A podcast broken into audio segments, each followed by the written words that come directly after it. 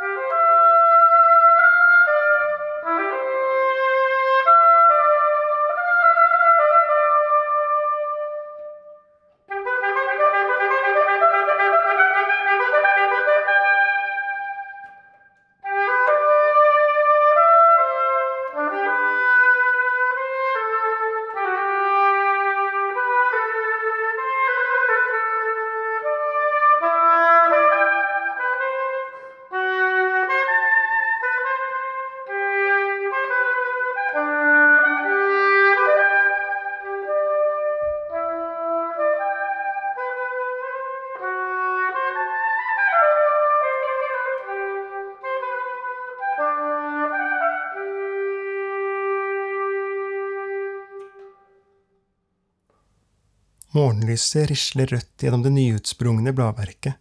Klokken er snart fire. Den skarpe natteluften er gjennomvevd av fuglesang, der turveien skjærer gjennom skogholtet mellom idrettsplassen og kirken. Små sangfugler vipper frem og tilbake et par ganger, før de tar til vingene og lander litt lenger bort på de overgrodde restene av steingjerdet som en gang delte to teiger. Denne delen av døgnet har et dårlig rykte, noen ganger fortjent. Det er på denne tiden, da solen har vært borte lengst, at flest mennesker dør. Eller, så sies det. De dør, og så havner de hos oss. Men nå er det mai, og timene mellom fire og seks blir pakket inn i lys som til og med kan få en til å føle en slags takknemlighet for å være søvnløs. Sidedøren står ulåst, men nøkkelen er lagt i nøkkelboksen som avtalt. De må ha til travelt, de som arrangerte konsert der i går. Høyt oppe i rusen etter vedvarende konsentrasjon, selv om det hadde vært for et kamera og ikke for folk. Kirkerommet er ryddet slik de skal, og det eneste som er å se etter leietakerne, er noen tomme pappbegre fra bensinstasjonen i søppelkassen. En panelovn gir fra seg et lite klikk og bekrefter fraværet av all annen lyd her inne. Jeg bytter sko, setter meg til på krakken, trykker på en hvit lysbryter under klaviaturet og hører susingen fra viftene som drar luft gjennom instrumentet, skyver meg sidelengs av krakken igjen og henter notene. Det har allerede begynt å bli varmt oppunder taket her, så noen av pipene er høyere stemt enn andre. Orgelet låter fremmed og ute av balanse. En lyd fra kirkerommet får meg til å kaste et blikk i speilet på refleks, og ved alteret står det noen og ser seg omkring. Et barn, midt på natten. Barnet setter seg på alterringen. Jeg spiller videre med ett øye på speilbildet av blå bukser og en rød jakke. Da den siste tonen har forlatt instrumentet og kirkerommet er stille igjen, tar jeg sjansen på å snu meg. Knirkingen fra orgelbenken slår tilbake fra veggene. Jeg smiler og vinker. Hva var det du spilte? spør barnet da jeg kommer ned. Boks til hodet. Det var et rart navn. Ja, det var læreren til han som het Bach. Å ja, han, ja. Jeg trodde det var navnet på sangen. Kan jeg få et glass vann? Vi går ut på kjøkkenet. Døren ut står på vidt gap. Barnet drikker med begge hendene rundt glasset. Det er hvitt etter for mange runder i oppvaskmaskinen. Hva heter du? spør jeg. Jonas. Det heter jeg også, svarer jeg. Så står vi her. Klokken har vel kanskje blitt halv fem. Utenfra høres fuglesang og ikke noe mer. Barnet setter fra seg glasset på benken, men gjør ingen tegn til å ville gå. Hvorfor er du her, midt på natten? Det burde vært jeg som spurte ham. Jeg er ofte det. Jeg har alltid hatt vondt for å sove, og da går jeg hit for å øve. Jeg jobber her. Det er så stille her om natten, og da blir musikken enda finere på et vis. Han blir stående og tenke seg om en stund, før han spør. Er det sant? Nei, svarer jeg. Hvorfor sier du det, om det ikke er sant? Det kunne vært sant, sier jeg og spør, Hvorfor er du her? Han lager en grimase i det lille fjeset. Hvor gammel kan han være? Syv-åtte? Fordi jeg ikke fikk sove, og så hørte jeg den fine musikken fra kirken da jeg gikk forbi, sier han. Da du gikk forbi, fordi du pleier å gå lange turer ute når du ikke får sove? Ja. Er det sant? Nei. Vi setter oss ned på hver vår side av kjøkkenbordet. En katt dukker opp i døråpningen, kikker inn og går igjen. Fuglesangen fortsetter uforstyrret, som for å understreke at det er en helt vanlig, spesiell natt. Jeg får ikke sove, fordi jeg blir fryst ut på skolen. Han ser rett på meg. Plutselig har alle begynt å leke med dustene i klassen, og jeg blir helt utenfor. Dustene? Jeg prøver å ikke smile. Ja, Theo, Ea og Max. De får ikke lov til noen ting av foreldrene sine, og så har de bare billige klær som er brukt, og som ser skikkelig dust ut, og så sier de bare barnslige ting. Det er kanskje fordi dere er barn, eller? spør jeg. Vi er ikke i barnehagen, da. De dustene skulle vært et år til i barnehagen. Det blir stille en lang stund. Hodet er uklart. Jeg håper at han skal ta til vettet og gå igjen. I stedet bare ser han på meg, stirrer. Det lukter rart av deg, sier han. Er du full? Ja, eller Jeg var full, nå er jeg bare litt uvel. Ok, sier han. Jeg prøver å avlede ham. Men du sier at alle bare har forandret seg helt plutselig, og så vil de bare leke med dustene og ikke med deg? Ja, sier han uten å tenke seg om. Hvorfor det, da? Alle kan ikke ha kommet på den samme ideen helt samtidig. Kontaktlæreren min kom inn i en av timene og tok med seg Christian og Tobias og noen andre. Det var etter det. Han ser utilpass ut, hever stemmen. Men hvorfor drikker du deg full? Fordi det gjør voksne iblant. Ikke foreldrene mine, og ikke foreldrene til vennene mine heller. Var du på fest? Nei, ikke på fest, svarer jeg. Du må ikke drikke alkohol alene, da blir du alkoholiker. Jeg er ikke alkoholiker, men kanskje jeg skal bli det? Er det en dame? spør han etter å ha tenkt seg om en stund. Hva for noe, sier jeg. På film er det alltid når en dame har blitt sammen med en annen, at de drikker alene. Det er ingen dame, jeg har ikke dame, og jeg har ikke hatt dame på lenge. Er du homo? spør han. Jeg holder pusten et øyeblikk. Fortell om de guttene du nevnte, sier jeg. Er det de som bestemmer hvem som skal leke med hvem? Nei, det er bare at alle vil være med dem. Hvorfor? Fordi de er kule og populære, og alle vil bare være med dem. Katten er tilbake i døråpningen. Den har fanget en liten fugl.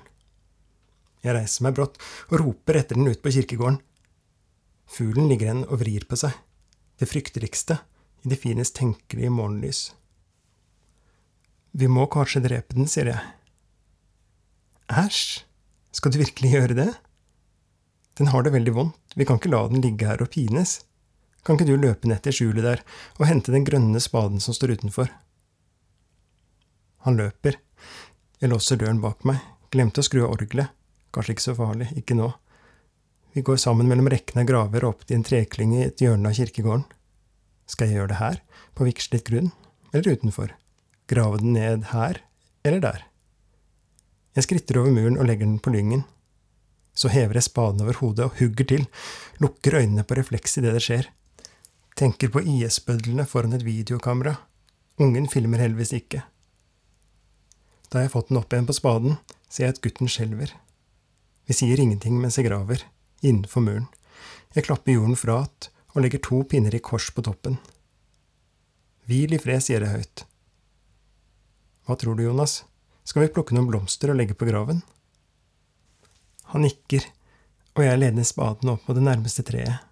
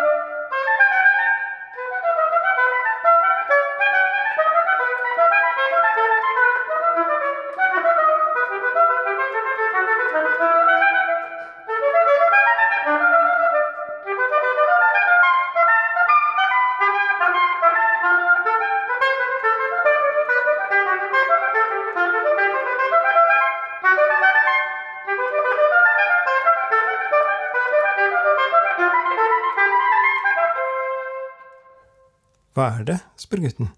Hva er det som gjør at du drikker alkohol alene og er oppe midt på natten? Solen står høyere på himmelen nå, og den varmer ryggen min der jeg sitter på muren. Vi har akkurat lagt blomstene som et teppe utover graven, eller kanskje mer som kakepynt, men det kan man jo ikke tenke. Han myser mot meg sittende på en gammel gravsten. Hva det er? De kule vil ikke leke med meg mer. Ikke mobb meg, sier han sint og reiser seg. Nei, nei, jeg mobber deg ikke. Jeg mener det. Er det sant? spør han. Det er sant, svarer jeg. Jeg forteller ham om det, om hvordan det er å mene noe på Facebook før sengetid og våkne opp sent til tolv ubesvarte anrop på mobilen morgenen etter, mer enn 2500 kommentarer, og saker om en selv på alle nettavisene. Han har ikke besvart våre henvendelser, sto det. De vil at jeg ikke skal gå på jobb på en stund, sier jeg. Kirken altså. At det er vanskelig når jeg ikke deler deres verdier. Hva betyr det, spør han. At jeg har fått sparken, og at de ikke har skjønt hva det var jeg skrev. At de også bare vrir på alt jeg sier, og at de ikke stiller opp for meg når de kule snur seg en annen vei, vender kappen etter vinden. Det var hardt, sier han. En superhelt som snur seg vekk når noen trenger hjelp. Ja, det er mye vi sier som høres litt rart ut, svarer jeg. Hva postet du på Facebook? Jeg mente at innvandrerne burde få vaksine først, siden de bor så tett og har jobber hvor man ikke kan ha hjemmekontor, og fordi de har større sjanse for å dø av korona enn oss som er bleke i huden.